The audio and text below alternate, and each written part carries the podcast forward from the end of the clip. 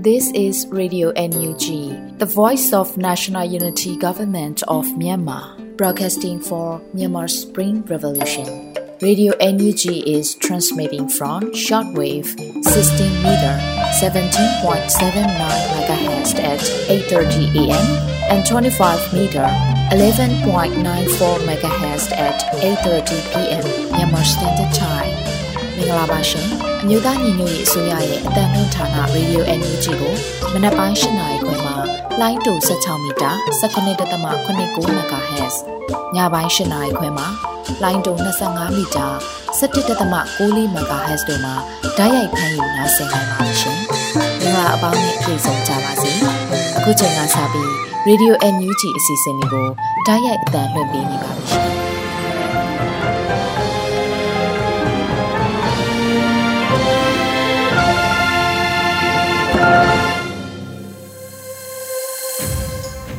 မြန်မာနိုင်ငံသူနိုင်ငံသားအပေါင်းတဘာဝဘေးစစ်အာဏာရှင်ဘေးတို့ကနေကင်းဝေးပြီးကိုစိတ်နှပါဘေးကင်းလုံခြုံကြပါစေလို့ရေဒီယိုအန်ယူဂျီနဲ့ဖက်တာတွေကဆွတောင်းမြတ်တာပို့သလိုက်ရပါတယ်ခင်ဗျာ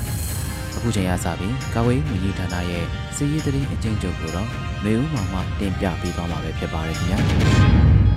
မင်္ဂလာပါခင်ဗျာကာကွယ်ရေးဝန်ကြီးဌာနအမျိုးသားညီညွတ်ရေးအစိုးရမှထုတ်ဝေသောနိုင်စင်စီရေးသတင်းအကျဉ်းချုပ်ကိုတင်ဆက်ပေးပါတော့မယ်ရန်သူတပ်သားတေဆုံး30ဦးရန်သူတပ်သားဒဏ်ရာရ 16ဦးအာနာသိန်းအကြမ်းဖက်စစ်တပ်နဲ့တိုက်ပွဲဖြစ်ပွားမှုသတင်းများကိုတင်ဆက်ပေးပါမယ်။ကရင်နီကရားပြည်နယ်တွင်ဘဲဝါရီလ19ရက်နေ့မနက်9:25မိနစ်ခန့်က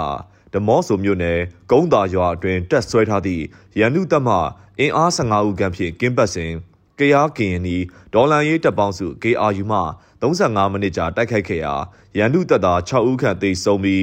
MA1 တနက်တလက်ကြီးပေါက်3ခုကြီး225တောင်ကို သိမ်းယူနိုင်ခဲ့သည်မွန်ပြည်နယ်တွင်ဖေဖော်ဝါရီလ20ရက်နေ့မနက်ပိုင်းကတထုံမြို့အထွက်မြို့သစ်နှင့်ကြာပန်းဂိတ်ကြားတွင် ထိတွေ့တိုက်ပွဲဖြစ်ပွားခဲ့ရာရဲနှုတ်သေဆုံးခဲ့ပြီးနှစ်ဦးထိခိုက်ဒဏ်ရာရရှိခဲ့ကာ KNL နဲ့ PDF ပူးပေါင်းတပ်မှရဲဘော်တအူးကြဆုံးခဲ့ပြီးနှစ်ဦးထိခိုက်ဒဏ်ရာရရှိခဲ့ကြောင်းသိရသည်။ ဖေဖော်ဝါရီလ19ရက်နေ့ကတထုံမြို့နယ်ကမာဆိုင်ကျေးရွာတဲ့အနီးတွင်ရန်သူရင်တန်းကိုဒေါ်လန်ရေးပူးပေါင်းတပ်ဖွဲ့ကမိုင်းသုံးလုံးဆွဲတိုက်ခိုက်ခဲ့သည့်အပြင်40မမဘုံသီး9လုံးဖြင့်ပြစ်ခတ်တိုက်ခိုက်ခဲ့ကြောင်းရန်သူတပ်မှတေဆုံးထိခိုက်မှုများခဲ့ပြီးတိုက်ခိုက်မှုကြောင့်9ဦးသေ4ဦးဒဏ်ရာရပြီးကား3စီးပျက်စီးခဲ့သည်ဖေဖော်ဝါရီလ20ရက်နေ့မနက်တွင်တိုက်ခိုက်ခံရ၍ပျက်စီးသွားသည့်ရင်များကိုရန်သူတပ်ကလာရောက်ဆွဲယူခဲ့ရာ ဒရုန်းဘုံသီး၈လုံးဖြင့်ထပ်မံစောင့်ကြိုတိုက်ခိုက်ခဲ့ကြောင်းသိရသည်။စကိုင်းတိုင်းတွင်ဖေဖော်ဝါရီလ19ရက်နေ့မနက်8:15မိနစ်ခန့်ကမုံရွာမြို့နယ်ခင်မွန်ကျေးရွာအရှိတ်ဘက်တွင်မုံရွာ GDC ကျောင်းမှထွက်လာသောရန်သူတပ်သား30ခန့်ကိုချောင်းဦးမြို့နယ်ပကဖဦးဆောင်သောမုံရွာခရိုင်တပ်ရင်း6တပ်ခွဲ1ချောင်းဦး People Defense Force ကုတ်ကဲမှုအောက်ရှိအင်အား9ဦးတို့ကပဒေသာမိုင်း3လုံးဖြင့်မိုင်းဆွဲတက်ခတ်ခဲ့ရာရန်သူတပ်သား2ဦးပြင်းထန်စွာဒဏ်ရာရရှိခဲ့သည် မကွေးတိုင်းတွင်ဖေဖော်ဝါရီလ19ရက်နေ့မနက်9:00နာရီခန့်ကပေါ့မြို့နယ်ရာကြီးပင်ရွာပြူစောတိရွာအခြေပြုရန်သူတပ်ဖွဲ့ဝင်များနဲ့ပြူစောတိတပ်ဖွဲ့ဝင်များကအုံတော်ကျေးရွာသို့စစ်ကြောင်းထိုးဝင်ရောက်စဉ်ပေါ့မြို့နယ်အခြေပြုဗိုလ်တစီအဖွဲ့ပေါက်ကျေးရွာကာကွယ်ရေးအဖွဲ့များနဲ့မြိုင်မြို့နယ်ပြည်သူ့ကာကွယ်ရေးတပ်ဖွဲ့မြိုင်ပကဖတရင်တစ်တို့ပူးပေါင်းကစီးနှင်းတိုက်ခိုက်ခဲ့သောကြောင့်ပြူစောတိတပ်ဖွဲ့ဝင်တို့ဦးပြင်းထန်စွာထိခိုက်ဒဏ်ရာရရှိခဲ့ကြောင်းသိရသည်။ဖေဖော်ဝါရီလ19ရက်နေ့က ပေါက်မြို့နယ်တယော်ကိုင်းရွာမှထွက်လာသောဇီးပြားရဲစခန်းနဲ့တယော်ကိုင်းရွာအခြေပြုရန်သူတပ်ဖွဲ့ဝင်များကိုလမ်းပိုင်းတနေရာသို့ရောက်စဉ်မြိုင်မြို့နယ်ပြည်သူ့ကာကွယ်ရေးတပ်ဖွဲ့မြိုင်ပကဖတရင်တက်တပ်စိတ်နှင့်ပေါက်ကြီးရွာကာကွယ်ရေးအဖွဲ့တို့ပူးပေါင်းကစီးနှင်းတိုက်ခိုက်ခဲ့သောကြောင့်ရန်သူတပ်ဖွဲ့ဝင်တို့ပြင်းထန်စွာဒဏ်ရာရရှိခဲ့ကြောင်းသိရသည်။ မန္တလေးတိုင်းတွင်ဖေဖော်ဝါရီလ22ရက်နေ့မနက်9:50ခန်းကအောင်မြေတာဆန်မြို့နယ်ဖုံးတော်တိုးရက်ကွက်30လမ်းတွင်ရှိသောမန္တလေးတိုင်းဒေသကြီးလွတ်တော်ရုံးရှိရန်သူတပ်များကိုမြနန္နာစစ်စင်ရေးအဖြစ်အဝေးထိန်မိုင်းဖြင့်ဖောက်ခွဲတိုက်ခိုက်ခဲ့ရာရန်သူတပ်သားများထိခိုက်ဒေဆုံးမှုများနိုင်ပြီးဘန်ကာအတွင်းမှရန်သူတပ်သားများကပြန်လည်ပစ်ခတ်မှုများပြုလုပ်ခဲ့သောကြောင့်မိမိတို့ရဲဘော်များပြန်လည်ဆုတ်ခွာခဲ့ရကြောင်းသိရသည်။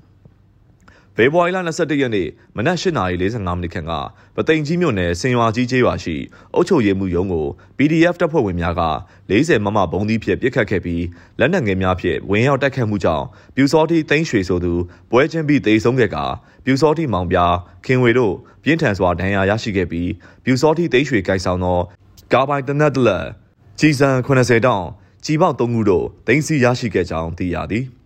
ဖေဖော်ဝါရီလ20ရက်နေ့ည9:00နာရီခန့်ကငန်းစုံမြို့နယ်တာချင်းကျေးရွာရှိအထက်ကကျောင်းထဲတွင် စီးနှင်းအထိုင်ချနေသောရန်သူတပ်မှအင်အား10ဦးဖြင့်ကျောင်းအပြင်ဘက်သို့ကင်းပတ်ထွက်လာခြင်းငန်းစုံမြို့နယ်ပြည်သူ့ကာကွယ်ရေးအဖွဲ့ပကဖ DGYR Youth Guerrilla Counter Revolution LPDF MNPDF မြင့်ငယ်မန်ဆွဲကြားပြည်သူ့ကာကွယ်ရေးတပ်ဖွဲ့ဇာမနီပျောက်ကြားတပ်ဖွဲ့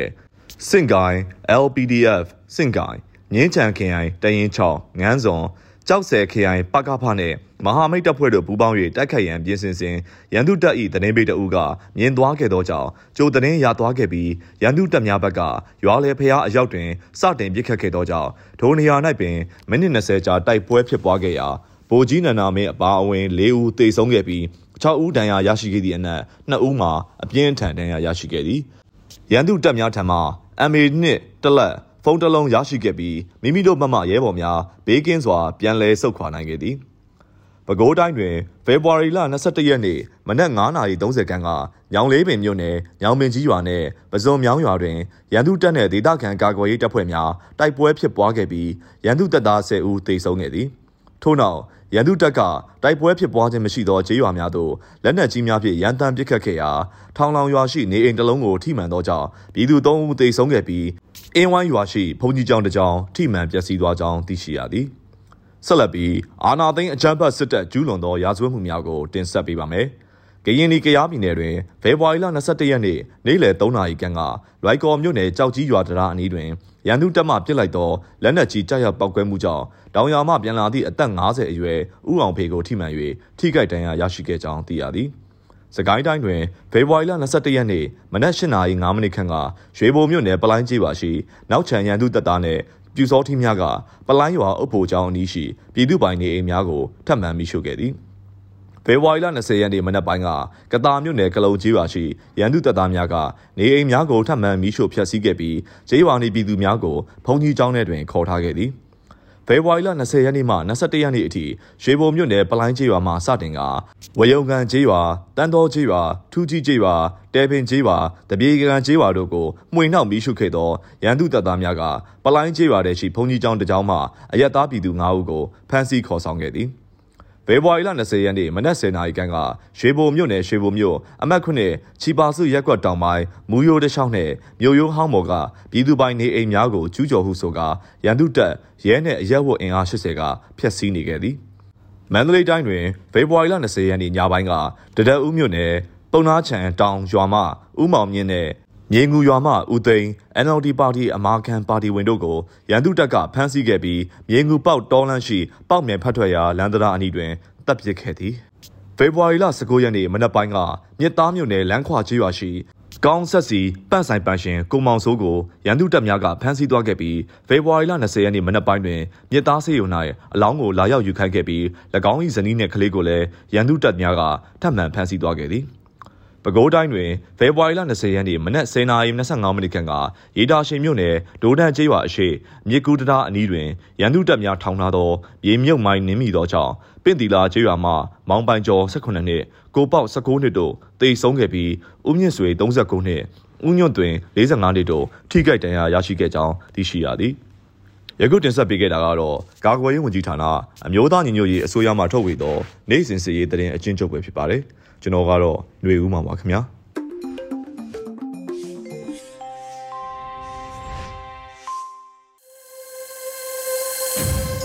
ရေဒီယို NUG မှာဆက်လက်အသံလွှင့်ပေးနေပါတယ်။အခုတခါနောက်ဆုံးရသတင်းများကိုတော့ Airy မှတင်ပြပေးသွားမှာဖြစ်ပါတယ်ခင်ဗျာ။မင်္ဂလာမနက်ခင်းပါရှင်။အခုချိန်ကစပြီး Radio NUG မနက်ခင်းပြည်တွင်းသတင်းတွေကိုတင်ပြပေးတော့မှာဖြစ်ပါတယ်။ကျွန်မကတော့ Airy ပါရှင်။ အကြမ်းဖက်ဆဲအုပ်စုဟာအမျိုးသားညီညွတ်ရေးအစိုးရနဲ့တော်လှန်ရေးအင်အားစုတွေကိုအဖက်ဖက်မှာရှင်ပြိုင်မှုကြာရှုံးနေပြီဖြစ်တယ်လို့ယာယီသမရပြောကြားလိုက်တဲ့သတင်းကိုတင်ပြပေးပါမယ်။ဖေဖော်ဝါရီလ22ရက်နေ့ကကျင်းပတဲ့အမျိုးသားညီညွတ်ရေးအစိုးရရဲ့ခုနှစ်မြင်းဆောင်2023အစိုးရဖွဲ့အစည်းအဝေးမှာယာယီသမရဒူဝါလက်ရှိလာကအခုလိုပြောကြားလိုက်ပါတယ်။ကျွန်တော်တို့အမျိုးသားညီညွတ်ရေးအစိုးရနဲ့တိုင်းသားပြည်သူလူထုတရက်လုံးဟာအကြမ်းဖက်ဆဲအုပ်စုရဲ့ဖိနှိပ်မှုပေါင်းစုံကနေကြံ့ကြံ့ခံကြော်ဖြတ်လာတာယနေ့အထိပင်ဖြစ်ပါတယ် တိုင်းသားပြည်သူလူထုအားလုံးရဲ့မဆုတ်နစ်သောဆွဲအနိုင်မခံအရှုံးမပေးသောစိတ်ဓာတ်အာဏာရှင်စနစ်ကိုအမြင့်ပြတ်ချေမှုန်းလိုတဲ့စိတ်ဓာတ်တွေကယနေ့တော်လှန်ရေးအတွက်အဓိကပင်ရင်းဖြစ်ပါတယ်။၎င်းအရင်ခံများကြောင့်အကြမ်းဖက်ဆဲအုပ်စုဟာကျွန်တော်တို့အမျိုးသားညီညွတ်ရေးအစိုးရနဲ့တော်လှန်ရေးအင်အားစုတွေကိုအဖက်ဖက်မှာရှင်ပြိုင်ဖို့ကြာရှုံးနေပြီဖြစ်ပါတယ်လို့ဆိုပါတယ်။လက်ရှိမှာအမျိုးသားညီညွတ်ရေးအစိုးရဟာဂျပန်၊ကိုရီးယား၊ပြင်သစ်၊ချက်နိုင်ငံ၊ဩစတြေးလျနိုင်ငံ နော်ဝေနိုင်ငံနဲ့အမေရိကန်နိုင်ငံတို့မှာကိုယ်စားလှယ်ရုံးနဲ့နိုင်ငံခြားရေးရုံးတွေဖွင့်လှစ်ထားရှိပြီးဖြစ်ပါတယ်။အခုလိုအချိန်တို့တွင်ရရှိလာခဲ့တဲ့အောင်မြင်မှုတွေဟာပြည်သူတွေရဲ့အသက်ပေးဆက်မှုတွေကြောင့်ဖြစ်ပါတယ်။အခုအောင်မြင်မှုတွေဟာတော်လှန်ရေးအဆုံးသတ်ဖို့ခြေလှမ်းနေတာဖြစ်တယ်ဆိုတာကျွန်တော်တို့အားလုံးအမြဲတမ်းပြုဖို့လိုအပ်ပါတယ်လို့ရှားရီသမရကထပ်လောင်းပြောကြားခဲ့ပါသေးတယ်ရှင်။ ဆက်လက်ပြီးစစ်ကောင်စီရဲ့လူသားမျိုးနွယ်ပေါ်ကျူးလွန်တဲ့ရာဇဝတ်မှုတွေနဲ့စစ်ရာဇဝတ်မှုတွေကိုစနစ်တကျမှတ်တမ်းတင်ပြီးထုတ်ပြန်မှုတွေဆက်လက်အားကောင်းအောင်လှုံ့ဆော်ရမယ်လို့ဝန်ကြီးချုပ်ကပြောဆိုလိုက်တဲ့သတင်းကိုလည်းတင်ပြပေးပါမယ်။ဖေဖော်ဝါရီလ22ရက်နေ့ကပြုလုပ်တဲ့အမျိုးသားညီညွတ်ရေးအစိုးရရဲ့အစိုးရအဖွဲ့အစည်းအဝေးမှာပြည်ထောင်စုဝန်ကြီးချုပ်မန်ဝင်းခိုင်တန်းကအခုလိုဆိုခဲ့ပါတယ်။ စစ်ကောင်စီဟာသူတို့နယ်မြေထိန်းချုပ်နိုင်ခြင်းမရှိသေးတဲ့ဒေသတွေမှာစစ်အုပ်ချုပ်ရေးနဲ့စစ်ဘက်တရားစီရင်ရေးကိုပြဋ္ဌာန်းတယ်လို့ပြောပြီးပြည်သူတွေကိုအနိုင်ကျင့်ချင်းချမှုတွေရက်ဆက်တဲ့စစ်ရာဇဝတ်မှုကျူးလွန်မှုတွေနဲ့ပြည်သူအင်အားကိုချိနဲ့အားနဲ့အောင်ပို့တိုးပြီးလှုံ့ဆော်လာမှာဖြစ်ပါတယ်။အဲ့ဒီအတွက်စစ်ကောင်စီရဲ့လူသားမျိုးနွယ်တွေပေါ်ကျူးလွန်တဲ့ရာဇဝတ်မှုတွေနဲ့စစ်ရာဇဝတ်မှုတွေပြည်သူအသက်အိုးအိမ်စီးစိမ်ပိုင်ဆိုင်မှုတွေကိုဖျက်ဆီးလို့ယူတာတွေပြည်သူလူထုရဲ့အသက်ရှင်ရည်တည်ခွင့်ပေါ်ကျူးလွန်နှောက်ယှက်ပိတ်ဆို့မှုတွေ လူခွင့်ရေးချိုးဖောက်မှုတွေပုဂ္ဂလိကလုံခြုံရေးချိုးဖောက်ခံရမှုတွေစတဲ့ပြစ်မှုတွေအတွက်စနစ်တကျမှတ်တမ်းတင်ပြီးထုတ်ပြန်မှုတွေကိုဆက်လက်အားကောင်းအောင်လှုံ့ဆော်ရမှာဖြစ်ပါတယ်လို့ဆိုပါတယ်။ဒါအပြင်နိုင်ငံတကာရာဇဝတ်တရားရုံးတွေ Universal Jurisdiction နဲ့စစ်တပ်ကိုတရားစွဲစီရင်နိုင်မှုအားထုတ်ကြရမှာဖြစ်တယ်လို့နိုင်ငံတကာမီဒီယာတွေနဲ့အတိုင်းဝိုင်းတွေမှာစစ်တပ်ရဲ့ရက်ဆက်ရုံမှမှုတွေကိုမပြတ်မီးမောင်းထိုးပြဖို့ဝန်ကြီးချုပ်ကထပ်လောင်းဆိုခဲ့ပါတယ်ရှင်။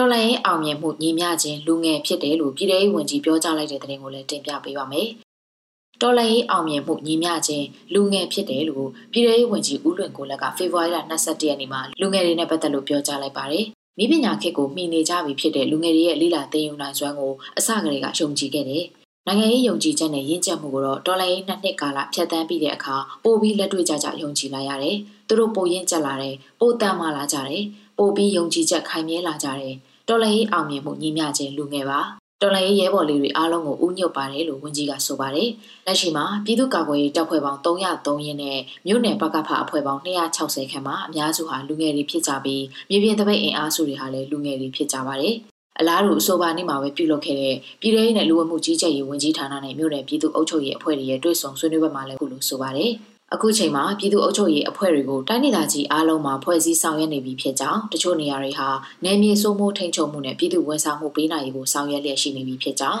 တနစ်မဟာဗျူဟာအရအကြမ်းဖက်စစ်ကောင်စီကိုဗပောင်းဆောင်ကတိုက်ထုတ်နိုင်ရေးအလုံးစုစည်းဆောင်ရွက်ရမှာဖြစ်ကြောင်းနယ်မြေစိုးမိုးနိုင်မှုဒေသတွေမှာဂျာကာလာပြည်သူအုပ်ချုပ်ရေးကိုခိုင်ခိုင်မာမာတည်ဆောက်နိုင်မှုလိုအပ်ကြောင်းစစ်ရေးနဲ့အုပ်ချုပ်ရေးကိုဟန်ချက်ညီညီနဲ့တပြိုင်နက်တည်းဆောင်ရွက်ကြရမှာဖြစ်ကြောင်းဆိုခဲ့ပါတယ်။ဆက်လက်ပြီးတွေ့ဆုံပွဲမှာပြည်ထောင်စုနဲ့လူဝမှုကြီးကြပ်ရေးဝန်ကြီးဌာနအမြဲတမ်းအတွင်းဝင်ကဝန်ကြီးဌာနရဲ့လုပ်ငန်းဆောင်ရွက်မှုတွေပေါ်ရှင်းလင်းပြောကြားခဲ့ပြီးတဲ့နောက်တက်ရောက်လာတဲ့မြို့နယ်ပြည်သူ့အုပ်ချုပ်ရေးအဖွဲ့ဝင်တွေကမူဝါဒလမ်းညွှန်ချက်တွေမြေပြင်အုပ်ချုပ်ရေးဆောင်ရွက်နေမှုတွေကြုံတွေ့နေရတဲ့အခက်အခဲတွေကိုမြင်းမြန်ဆွေးနွေးရမှာဝန်ကြီးဌာနတာဝန်ရှိသူတွေကပြန်လည်ဖြေကြားခဲ့ပါတယ်။အဆိုပါတွဲဆောင်ပွဲကိုပြည်ထောင်စုဝန်ကြီးဦးလွင်ကိုလက်ကဦးဆောင်ပြီးအမြဲတမ်းအတွင်းဝင်တွဲဘက်အတွင်းဝင်ပြည်သူ့အုပ်ချုပ်ရေးဦးစီးဌာနပြည်သူ့ရဲတပ်ဖွဲ့မိသက်ဦးစီးဌာနလူဝင်မှုကြီးကြပ်ရေးဦးစီးဌာန အထူးဆောင်စံထောက်လန်ရေးဦးစီးဌာနတို့ကတာဝန်ရှိသူတွေစကိုင်းတိုင်းမကွေးတိုင်းပဲခူးတိုင်းတနင်္သာရီတိုင်းအေရဝတီတိုင်းရန်ကုန်တိုင်းနဲ့မန္တလေးတိုင်းတို့ကပြည်သူ့အုပ်ချုပ်ရေးအဖွဲ့ဝင်တွေတက်ရောက်ခဲ့ကြတယ်လို့သတင်းရရှိပါတယ်ရှင်ဆက်လက်ပြီးနှွေဦးတော်လှန်ရေးဟာမအောင်မြင်စရာအကြောင်းမရှိဘူးလို့ဝန်ကြီးဒေါက်တာဝင်းမြတ်အေးပြောကြားလိုက်တဲ့သတင်းကိုတင်ပြပေးပါမယ်။ ဖေဖော်ဝါရီလအတွင်းမှာ NSD နဲ့ဆွေးနွေးမှုအစီအစဉ်မှာလူသားချင်းစာနာထောက်ထားရေးနဲ့ဘေးအန္တရာယ်ဆိုင်ရာစီမံခန့်ခွဲရေးဝန်ကြီးဌာနပြည်ထောင်စုဝန်ကြီးဒေါက်တာဝင်းမြတ်အေးကနှွေဦးတော်လှန်ရေးဟာမအောင်မြင်စရာအကြောင်းမရှိဘူးလို့အခုလိုပြောကြားခဲ့ပါတယ်။တိုင်းသားတော်လှန်ရေးအဖွဲ့အစည်း EROs တွေကဂျေဇူးအင်မတန်ကြီးမားတယ်ဆိုတာကျွန်တော်ထုတ်ပြောချင်ပါတယ်။ဘာလို့လဲဆိုတော့စစ်ကောင်စီကြောင့်ဒုက္ခရောက်ရသူအများစုဟာတိုင်းသားတော်လှန်ရေးအင်အားစုတွေစီမှာသူတို့ရဲ့လုံခြုံရေးအတွက်ရော နေထိုင်ရေးအတွက်ရောရက်တီရေးအတွက်ရောမိခိုရတာတွေရှိပါတယ်။ထို့အခါမှာတော်လိုင်းရင်အင်အားစုတွေကစောင့်ရှောက်ထားတယ်၊ကူညီထားတယ်၊ပံ့ပိုးထားတယ်ဆိုတဲ့ကိစ္စဟာအမတန်မှအရေးကြီးတဲ့ပမာဏတစ်ခုနဲ့ကဏ္ဍတစ်ခုအနေနဲ့ပါဝင်ပါတယ်။ဒါကြောင့်မို့ဒီလိုအားလုံးဟာညီညီညွတ်ညွတ်နဲ့သွားနေတာမို့ဒီတော်လိုင်းရေးဟာမအောင်မြင်စရာအကြောင်းမရှိဘူးလို့ကျွန်တော်ပြောချင်ပါတယ်လို့ဝန်ကြီးကဆိုပါတယ်။လက်ရှိမှာနှွေဦးတော်လှန်ရေးကို2023ခုနှစ်ရည်မှန်းချက်ထားပြီးမဟာဗျူဟာတွေစီမံချက်ချမှတ်ရေးဆွဲကအမျိုးသားညီညွတ်ရေးအစိုးရကအကောင့်ထဲပေါ်ဆောင်ရွက်လျက်ရှိနေပါတယ်ရှင်။ လူခွင့်ရေးကောင်စီနဲ့မြန်မာနိုင်ငံလူခွင့်ရေးအခြေအနေကို NUG လူခွင့်ရေးဆိုင်ရာဝန်ကြီးကလူခွင့်ရေးဆိုင်ရာမဟာမင်းကြီးရုံးမှာတွေ့ဆုံမေးမြန်းခြင်းကိုဖြေကြားခဲ့တဲ့သတင်းကိုလည်းတင်ပြပေးပါမယ်။အဆိုပါအင်တာဗျူးနဲ့ပတ်သက်လို့ဖေဖော်ဝါရီလ22ရက်မှာ NUG လူခွင့်ရေးရာဝန်ကြီးဦးအောင်မျိုးမင်းကအခုလိုသတင်းထုတ်ပြန်ပြောကြားထားပါတယ်။လာမယ့်လူခွင့်ရေးကောင်စီနဲ့မြန်မာနိုင်ငံလူခွင့်ရေးအခြေအနေမြန်မာနိုင်ငံအပေါ်ချမှတ်မဲ့ဆုံးဖြတ်ချက်တွေကအကြောင်းအချက်တွေနဲ့ပတ်သက်ပြီးလူခွင့်ရေးဆိုင်ရာမဟာမင်းကြီးရုံးမှာအင်တာဗျူးဖြေခဲ့ပါတယ်လို့ဝန်ကြီးကဆိုပါတယ်။ လက်ရှိမှာအမျိုးသားညီညွတ်ရေးအစိုးရအဖွဲ့ဝင်တွေဟာနိုင်ငံတော်အဆင့်အရေးကိစ္စတွေဆောင်ရွက်ဖို့အစိုးရကူစားပြုပြီးနိုင်ငံအသီးသီးကိုရောက်ရှိနေကြတာလည်းဖြစ်ပါတယ်ရှင်။အမျိုးသားညီညွတ်ရေးအစိုးရရဲ့ထိန်းချုပ်နေမည်တချို့ကကြေးရွာ100နီးပါးလောက်ကိုလျှက်စစ်မီပေးနိုင်နေပြီလို့ဝန်ကြီးဦးစိုးသူရထွန်းပြောကြားခဲ့တဲ့သတင်းကိုတင်ပြပေးပါမယ်။ဖေဖော်ဝါရီလ22ရက်မှာလျှက်စစ်မီရရှိမှုနဲ့ပတ်သက်လို့လျှက်စစ်နဲ့စွမ်းရည်ဝန်ကြီးဦးစိုးသူရထွန်းကအခုလိုဖြေကြားခဲ့ပါတယ်။ အများကြီးကြံသေးတယ်တနေ့ကတည်းကနည်းနည်းထုတ်ပြောလိုက်ပါတယ်အခုပြတာကတရွာတယ်ရွာတရာလောက်လှုပ်ထားတာရှိသေးတယ်လို့ဝန်ကြီးကဆိုပါတယ်ဖေဖော်ဝါရီလ19ရက်နေ့ကကျင်းပတဲ့အမျိုးသားညီညွတ်ရေးအစိုးရနဲ့တကမ္ဘာလုံးရှိပြည်သူလူထုအွန်လိုင်းတွေ့ဆုံမေးမြန်းပွဲတတိယနေ့ခန်းနာမှာကျေးရွာတချို့ကိုအမျိုးသားညီညွတ်ရေးအစိုးရကလျှက်စစ်မီးတွေပေးနိုင်ခဲ့ပြီလို့လျှက်စစ်နဲ့စွမ်းအင်ဝင်ကြီးဦးစိုးသူရထွန်းကပြောကြားခဲ့တာဖြစ်ပါတယ်ရှင်။ ဆက်လက်ပြီးမြင်းကြံမြို့နယ်လေသစ်ရွာ NLD ခရိုင်နိုင်ကနေအိမ်ကထဲကုန်းတွေကိုပြူတွေကခိုးယူခဲ့တဲ့သတင်းကိုတင်ပြပေးပါမယ်။မြင်းကြံမြို့နယ်လေသစ်ရွာ NLD ခရိုင်နိုင်ကဦးလှမြင့်ရဲ့နေအိမ်ကထဲကုန်း၃ကုန်းကိုပြူတွေကခိုးယူတည်ဆောင်သွားတယ်လို့ဖေဖော်ဝါရီလ22ရက်မှာမြင်းကြံလူလှုပ်ရှားမှုကော်မတီကအသိပေးပြောဆိုပါရယ်။ ဂျမန်နေ့ညနေပိုင်းကလေသစ်ရွာက NLD ခရိုင်နာယကဦးလာမြင့်ခေါ်ဦးကလာကြီးရဲ့နေအိမ်လေသစ်အုပ်စု NLD ဆိုင်ဘုတ်တင်ပြီးရက်ကျေးရုံဖွင့်ထားတဲ့အိမ်ကအ ਨੇ ဆုံးထဲကုံ၃ကုံကိုပြူတွေကတဲဆောင်ယူသွားတယ်လို့သိရပါတယ်လို့ဆိုပါတယ်။ဦးလာမြင့်ရဲ့နေအိမ်ကစစ်ကောင်စီတပ်တွေပြူတွေကနေအိမ်အတွင်းကပစ္စည်းတွေကိုအကြိမ်ကြိမ်ယူဆောင်ဖျက်ဆီးခဲ့ကြပြီးဇွန်လအစောပိုင်းကလည်းထွန်ဆက်နှစ်စီးကိုယူဆောင်သွားခဲ့ကြတာဖြစ်ပါတယ်။ အခုခါပြူတီရာယူမွန်နဲ့အမတ်16ရက်ကွက်စစ်ကောင်စီအုပ်ကြီးတို့ပူးပေါင်းပြီးထွန်ဆက်တွေကိုရှမ်းပြည်နယ်ဘက်ရောင်းချဖို့စီစဉ်နေတယ်လို့သိရတယ်လို့မြင်းချန်လူလူလှုပ်ရှားမှုကော်မတီကဖော်ပြထားပါတယ်ရှင်။မန္တလေးတိုင်းလွှတ်တော်ရုံးအပါအဝင်ချန်အေးသားဆန်ပြည်ကြီးမြတ်ရှင်ရှိတရားရုံးတွေကိုမိုင်းနေဖောက်ခွဲခဲ့တဲ့တဲ့တင်ကိုလည်းတင်ပြပေးပါအောင်မယ်။မန္တလေးတိုင်းလွှတ်တော်ရုံးအပါအဝင်ချန်အေးသားဆန်ပြည်ကြီးမြတ်ရှင်မှာရှိတဲ့တရားရုံးတွေကို မိုင်းနေဖောက်ခွဲခဲ့ပြီးအဆိုပါစစ်စင်ရေးကိုတော့မြနန္နာစစ်စင်ရေးမန္တလေးကဖေဖော်ဝါရီလ22ရက်နေ့မှာဆောင်ရွက်ခဲ့တယ်လို့သတင်းရရှိပါတယ်။မြနန္နာစစ်စင်ရေးမန္တလေးအဖြစ်ဖေဖော်ဝါရီလ22ရက်2023ခုနှစ်မနက်9:00နာရီမိနစ်50အချိန်ခန့်မှာအောင်မြေသားဆန်ဘုံတော်တိုးရက်ကွက်10လမ်းမှာရှိတဲ့မန္တလေးတိုင်းလွှတ်တော်ရုံးကိုအဝေးထိန်မိုင်းနဲ့တိုက်ခိုက်ခဲ့ရာစစ်ကောင်စီတပ်တွေထိခိုက်မှုရှိပြီးဘန်ကအတွင်းကနှစ်ချက်ပြန်လည်ပစ်ခတ်ခဲ့ပေမဲ့ရဲဘော်တွေထိခိုက်မရှိစုခွာနိုင်ခဲ့ပါတယ်လို့ဆိုပါတယ်။ အလားတူအပြစ်မဲ့ပြည်သူတွေနဲ့တော်လှန်ရေးရဲဘော်တွေကိုမတရားစီရင်လျက်ရှိတဲ့ချမ်းအေးတာဆန်ပြည်ကြီးမျက်ရှင်မှာရှိတဲ့တရားရုံးကိုလည်း10နာရီ10မိနစ်အချိန်မှာအတန်မိုင်းနဲ့တတိပေးဖောက်ခွဲခဲ့တယ်လို့သိရပါတယ်ရှင်။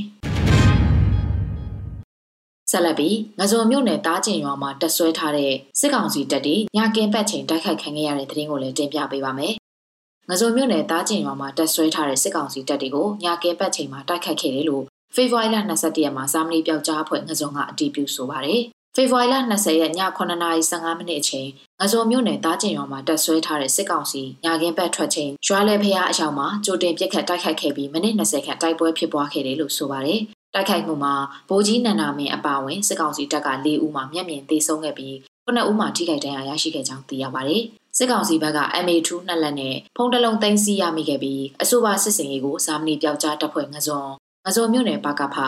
MNPDF မြင့်ငယ် မန်ဆွဲကြားပြည်သူ့ကာကွယ်ရေးတပ်ဖွဲ့ TGYR Youth Guerrilla Counter Revolution LPDF စင်ကိုင် LPDF ကြောက်ဆယ်ခရိုင်ပကဖာနဲ့မဟာမိတ်တပ်ဖွဲ့တွေကပူးပေါင်းဆောင်ရွက်ခဲ့ကြတာဖြစ်တယ်လို့သိရှိရပါတယ်ရှင်။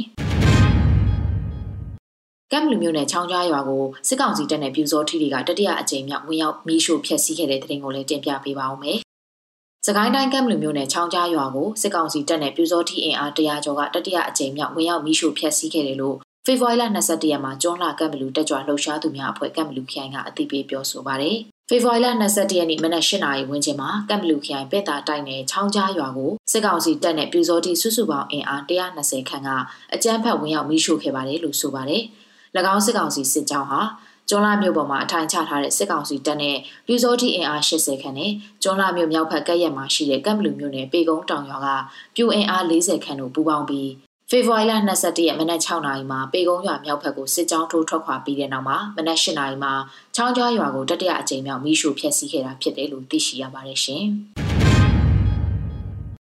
ဆက်လက်ပြီးမုံရွာမြို့ကြောက်ကလမ်းမှာငွေကြေးတောင်းနေတဲ့စစ်ကောင်စီတပ်စစ်စေးဂိတ်ကိုကာကွယ်ရေးရဲဘော်တွေကစစ်တပ်နဲ့ပြစ်ခတ်တိုက်ခိုက်ခဲ့တဲ့တဲ့တင်ကိုတင်ပြပေးပါမယ်။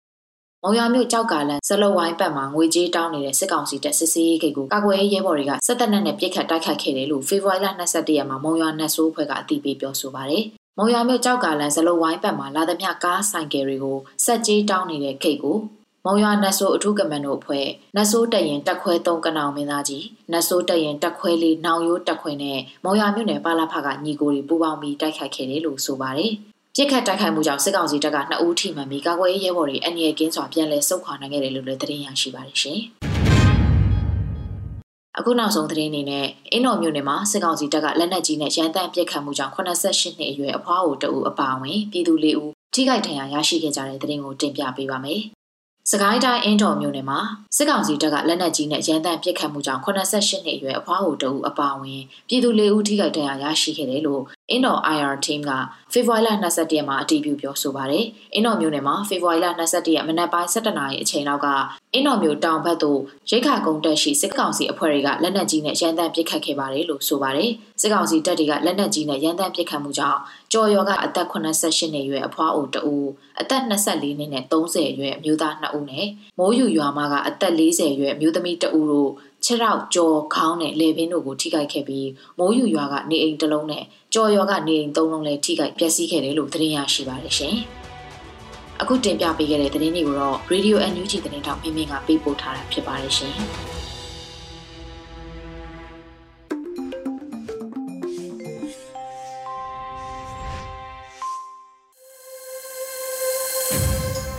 Radio NUG မှဆက်လက်အသံပေးနေပါတယ်။ပြည်သူခုခံစစ်တရင်များကိုတော့အောင်မေဦးမှတင်ပြပေးသွားမှာပဲဖြစ်ပါတယ်ခင်ဗျာ။ပထမဦးစွာ KNU ထင်းချုံနယ်မြေရှိတိုက်ပွဲများတွင်ဇန်နဝါရီလအတွင်းစစ်ကောင်စီဘက်မှ338ဦးသေဆုံးပြီး KNU တပ်မဟာ9နယ်မြေတွင်ဖေဖော်ဝါရီလ15ရက်တွင်စစ်သား28ဦးသေဆုံးကြောင်း KNL ဌာနချုပ်နှင့် KNU တပ်မဟာ9မူတော်သတင်းစဉ်၏ထုတ်ပြန်ချက်များအရသိရပါသည်။ 2023ခုနှစ်ဇန်နဝါရီလအတွင်း၌ကရင်ပြည်နယ်တွင်းရှိအကြမ်းဖက်စစ်ကောင်စီတပ်ဖွဲ့များနှင့် KNU KNL ပူးပေါင်းတပ်ဖွဲ့တို့ကြားတိုက်ပွဲပေါင်း333ကြိမ်ဖြစ်ပွားခဲ့ပြီးအကြမ်းဖက်စစ်သား338ဦးသေဆုံးက280ဦးဒဏ်ရာရရှိကြောင်း KNU KNL ပူးပေါင်းတပ်ဖွဲ့ဘက်မှ24ဦးတိုင်း民နှင့်လူမျိုးတို့အသက်ပေးလူခဲ့ရကြောင်း85ဦးထိခိုက်ဒဏ်ရာရရှိခဲ့ပြီးဒဏ်ရာရရှိသူများတွင် PDF တပ်ဖွဲ့ဝင်များပါဝင်ကြောင်း KNL ဌာနချုပ်၏ထုတ်ပြန်ချက်အရသိရှိရပါသည်။မကွေးတိုင်းမင်းလာတွင်စစ်ကြောင်းထိုးလာသောစစ်တပ်ကို PDF များကတိုက်ခတ်ရာစစ်သား2ဦးသေဆုံးတဲ့တဲ့ရင်ကိုဆက်လက်တင်ဆက်ပါမယ်။ဖေဖော်ဝါရီလ20ရက်နေ့နနက်9:40မိနစ်ခန့်တွင်မကွေးတိုင်းအထက်မင်းလာမြို့နယ်မီးလောင်ငုံကျေးရွာသို့စစ်ကြောင်းထိုးလာသောစစ်တပ်ကို PDF မဟာမိတ်တပ်များကတိုက်ခတ်ရာ စစ်ကောင်စီဘက်မှနှစ်ဦးသေဆုံးကြောင်းမကွေးတောင်ပိုင်းပြည်သူ့ကာဝေးတပ်ဖွဲ့ Southern မကွေး Pivot Defense Force မကွေးထံမှသိရပါတယ်။စစ်တပ်စစ်ကြောင်းကိုတိုက်ခိုက်ရတွင်မကွေးတောင်ပိုင်းပြည်သူ့ကာဝေးတပ်ဖွဲ့ SMPDF အထက်မင်းလာပြည်သူ့ကာဝေးအဖွဲ့ UNHPDF အရှိုးချင်းပြည်သူ့ကာဝေးတပ်ဖွဲ့ ACDF ပူးပေါင်းတပ်ဖွဲ့များပူးပေါင်းတိုက်ခိုက်ခြင်းဖြစ်ကြောင်းသိရှိရပါတယ်။ ဆက်လက်တင်ဆက်မှာကငန်းစုံတွင်စစ်တပ်ပတ်ကင်းပြစ်ခတ်တိုက်ခိုက်ခံရတဲ့သတင်းဖြစ်ပါတယ်။မန္တလေးတိုင်းငန်းစုံမြို့နယ်တွင်စစ်တပ်ပတ်ကင်းကိုပြစ်ခတ်တိုက်ခိုက်ရာဘူကြီးနန္နာမင်းအပါအဝင်စစ်သားလူဦးတေဆုံးကြောင်းငန်းစုံမြို့နယ်ပြည်သူ့ကာကွယ်ရေးအဖွဲ့ပကဖမှတာဝန်ရှိသူတဦးကရန်ကုန်ခေတ်သစ်မီဒီယာသို့ပြောဆိုထားပါတယ်။ဖေဖော်ဝါရီလ20ရက်နေ့ညပိုင်းတွင်ငန်းစုံမြို့နယ်တားကျင်ရွာအထက်ကကျောင်း၌တက်ဆွဲထားသော စစ်သား10ဦးသည်ကင်းဘတ်ထွက်လာခြင်းရွာလေဖျားရောက်ဒေသကာကွယ်တပ်ဖွဲ့များကစောင့်ကြိုတိုက်ခတ်ခဲ့ကြောင်းတိုက်ခတ်မှုကြောင့်ဘူကြီးနန္နာမင်းအပါဝင်စစ်သား၄ဦးတေဆုံးက MA2 တနက်တက်လက်နဲ့ဖုန်းတစ်လုံးတင်စီရရှိခဲ့ကြောင်းသိရပါတယ်။နောက်ဆုံးအနေနဲ့မင်းငင်းပထိုးလုံးရွာတွင်တက်ဆွဲထားသောစစ်ကြောင်း၃ရက်ဇက်တိုက်တိုက်ခိုက်ခံရတဲ့တဲ့ရင်ကိုတင်ဆက်ပါမယ်။စကိုင်းတိုင်းမင်းငင်းမြို့နယ်ချင်းတွင်းမြစ်ဘေးရှိ ပထိုးလုံးရွာတွင်တပ်ဆွဲထားသောအကြမ်းဖက်စစ်ကြောင်းကို၃ရက်ဇက်တိုက်တိုက်ခတ်ခဲ့ရာစစ်သားပြူစောရီ၃ဦးသေဆုံးပြီး10ဦးဒဏ်ရာရရှိခဲ့ကြောင်းမင်းကင်းမြို့နယ်ပြည်သူ့ကာကွယ်တပ်ဖွဲ့ထံမှသိရပါတယ်။ဖေဖော်ဝါရီလ16ရက်နေ့တွင်ပထိုးလုံးရွာတွင်ဝင်ရောက်တပ်ဆွဲပြီးပြည်သူပိုင်းပစ္စည်းများကိုခိုးယူဖျက်ဆီးနေသောအကြမ်းဖက်စစ်သားပြူစောရီအင်အား80ခန့်ကိုမင်းကင်းမြို့နယ်အမှတ်7တရင်နှင့်ပြည်သူ့ကာကွယ်ရေးဖွဲ့ ပကဖတပ်ဖွဲ့ဝင်များက20ရက်နေ့ထိလက်နက်ကြီးများဖြင့်ပစ်ခတ်တိုက်ခိုက်ခဲ့ရာစစ်သား2ဦးလက်နက်ကြီးထိမှန်သေဆုံးပြီးစစ်သား2ဦးစနိုက်ပန်ထိမှန်သေဆုံးခဲ့ကြောင်းအကြမ်းဖက်စစ်သားပြူစောရီ10ဦးကိုမင်းကင်းစေုံတို့ပို့ဆောင်ကုသနေကြောင်းသိရပါတယ်။လာဒူဖေဖော်ဝါရီလ22ရက်နေ့မွန်းတဲ့12နာရီအချိန်စကိုင်းတိုင်းမင်းကင်းမြို့နယ်ဖက်ခတ်ရွာအဝင်တွင်စစ်ကောင်စီတပ်များကို PDF တပ်များက မိုင်းဆွဲတိုက်ခတ်ခဲ့ကြောင်းဒေသကာကွယ်ရေးတပ်ဖွဲ့ထံမှသိရပါတယ်ခင်ဗျာ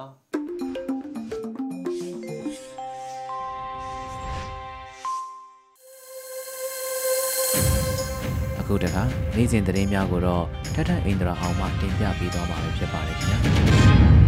ပထမဆုံးတင်ဆက်ပေးမှာကတော့ပြည်ထောင်စုလွှတ်တော်ကိုစားပြုကော်မတီ CRPH ရဲ့ပညာရေးကော်မတီနဲ့ရန်ကုန်တိုင်းလွှတ်တော်ကိုစားပြုကော်မတီရဲ့ပညာရေးဘုတ်အဖွဲ့တွေကြားတွဲဆုံဆွေးနွေးမှုကိုဖေဖော်ဝါရီလ18ရက်မွန်လွဲတနင်္လာနေ့မှာဗီဒီယိုကွန်ဖရင့်ကနေတဆင့်ပြုလုပ်ခဲ့ပါတယ်။ တွဲဆုံဆွေးနွေးပွဲမှာပညာရေးကော်မတီဥက္ကဋ္ဌ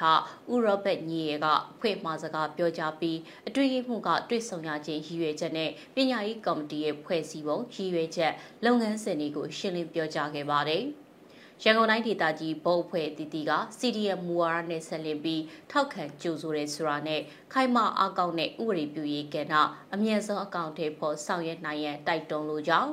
ပညာရေးမူဝါဒဆိုင်ရာကိစ္စရပ်များမြေပြင်မှာရှိတဲ့ပြည်သူ့ကျောင်းတွေမှာပညာရေးအကောင့်တွေပေါ်ဆောင်ရွက်နေတဲ့ကိစ္စရပ်တွေ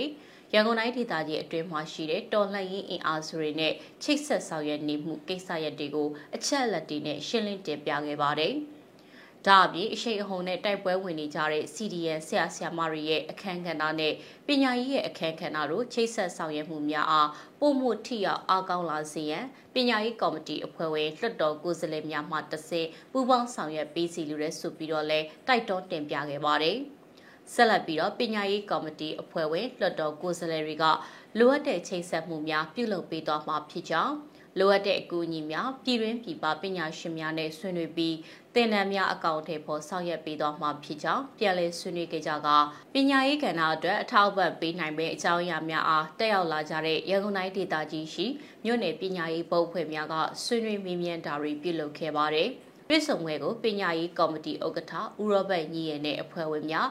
ရန်ကုန်တိုင်းဒေသကြီးလွှတ်တော်ကုစားပြုကော်မတီအဖွဲ့ဝင်များရန်ကုန်တိုင်းဒေသကြီးအတွင်းမှာရှိတဲ့မြို့နယ်ပညာရေးဘုတ်အဖွဲ့များနဲ့ရုံးအဖွဲ့တွေတက်ရောက်ခဲ့ကြတယ်လို့သတင်းထုတ်ပြန်ပါတယ်။တောင်မြို့သားလွတ်မြောက်ရေးတပ်မတော် TNL နဲ့အကြမ်းဖက်စစ်ကောင်စီတပ်တို့မနေ့ကမနက်မှာတိုက်ပွဲဖြစ်ပွားခဲ့ပြီးအကြမ်းဖက်စစ်ကောင်စီတပ်ဘက်က15ဦးသေဆုံးက9ဦးဒဏ်ရာရရှိခဲ့တယ်လို့ TNL ကသတင်းထုတ်ပြန်ပါတယ်။ TNL တပ်မဟာနှင့်စစ်ဒေသကြောင်မဲမြို့နယ် နန်ခုံရွာကိုအကြမ်းဖက်စစ်ကောင်စီတပ်ကအင်အား60နဲ့ထိုးစစ်ဆင်လာလို့ဖေဖော်ဝါရီလ20ရက်မနက်မှာတိုက်ပွဲဖြစ်ပွားခဲ့တယ်လို့ဆိုပါတယ်။တိုက်ပွဲဟာ2နာရီကျော်ကြာပြင်းထန်ခဲ့ပြီးအကြမ်းဖက်စစ်ကောင်စီတပ်ကလေရင်ရဟတ်ရင်လက်နက်ကြီးတွေနဲ့ပစ်ကူပေးတိုက်ခိုက်ခဲ့ကြောင်းဖော်ပြထားပါတယ်။အထိနာခဲ့တဲ့အကြမ်းဖက်စစ်တပ်စီကစက်တနတ်တလက် RPG တလက်တနတ်နှစ်လက်နဲ့စစ်အုံဆောင်ပစ္စည်းများရရှိခဲ့တယ်လို့ TNL ကထုတ်ပြန်ပါတယ်။ တိုက်ပွဲဖြစ်ပွားမှုကြောင့်ပန်ဝိုးကြီးရွာမှနေအိမ်နှလုံးထိမှန်ပျက်စီးခဲ့ကြောင်းလက်ရှိမှာအကြမ်းဖက်စစ်ကောင်စီတပ်ကနန်းခုံရွာမှာဆက်လက်တပ်ဆွဲထားလို့တိုက်ပွဲဆက်ဖြစ်မှာကိုဒေသခံတွေစိုးရိမ်နေကြကြောင်းဖော်ပြထားပါတယ်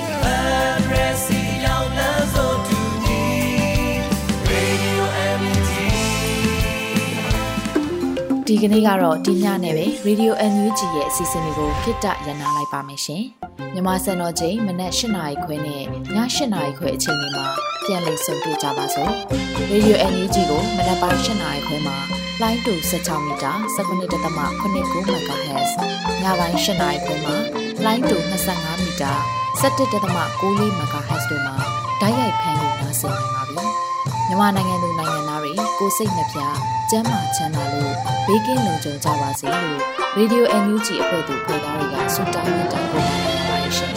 မျိုးသားညီညွတ်ရေးအစိုးရရဲ့စက်တော်ရေးသတင်းအချက်အလက်နဲ့လူပညာဝန်ကြီးဌာနကထုတ်လွှင့်နေတဲ့ Radio NUG ဖြစ်ပါတယ်။ San Francisco Bay Area အခြေစိုက်မြန်မာမိသားစုတွေနဲ့နိုင်ငံတကာကစေတနာရှင်တို့အားပေးနေတဲ့ Radio NUG ဖြစ်ပါတယ်။အရေးတော်ပုံအောင်ရမည်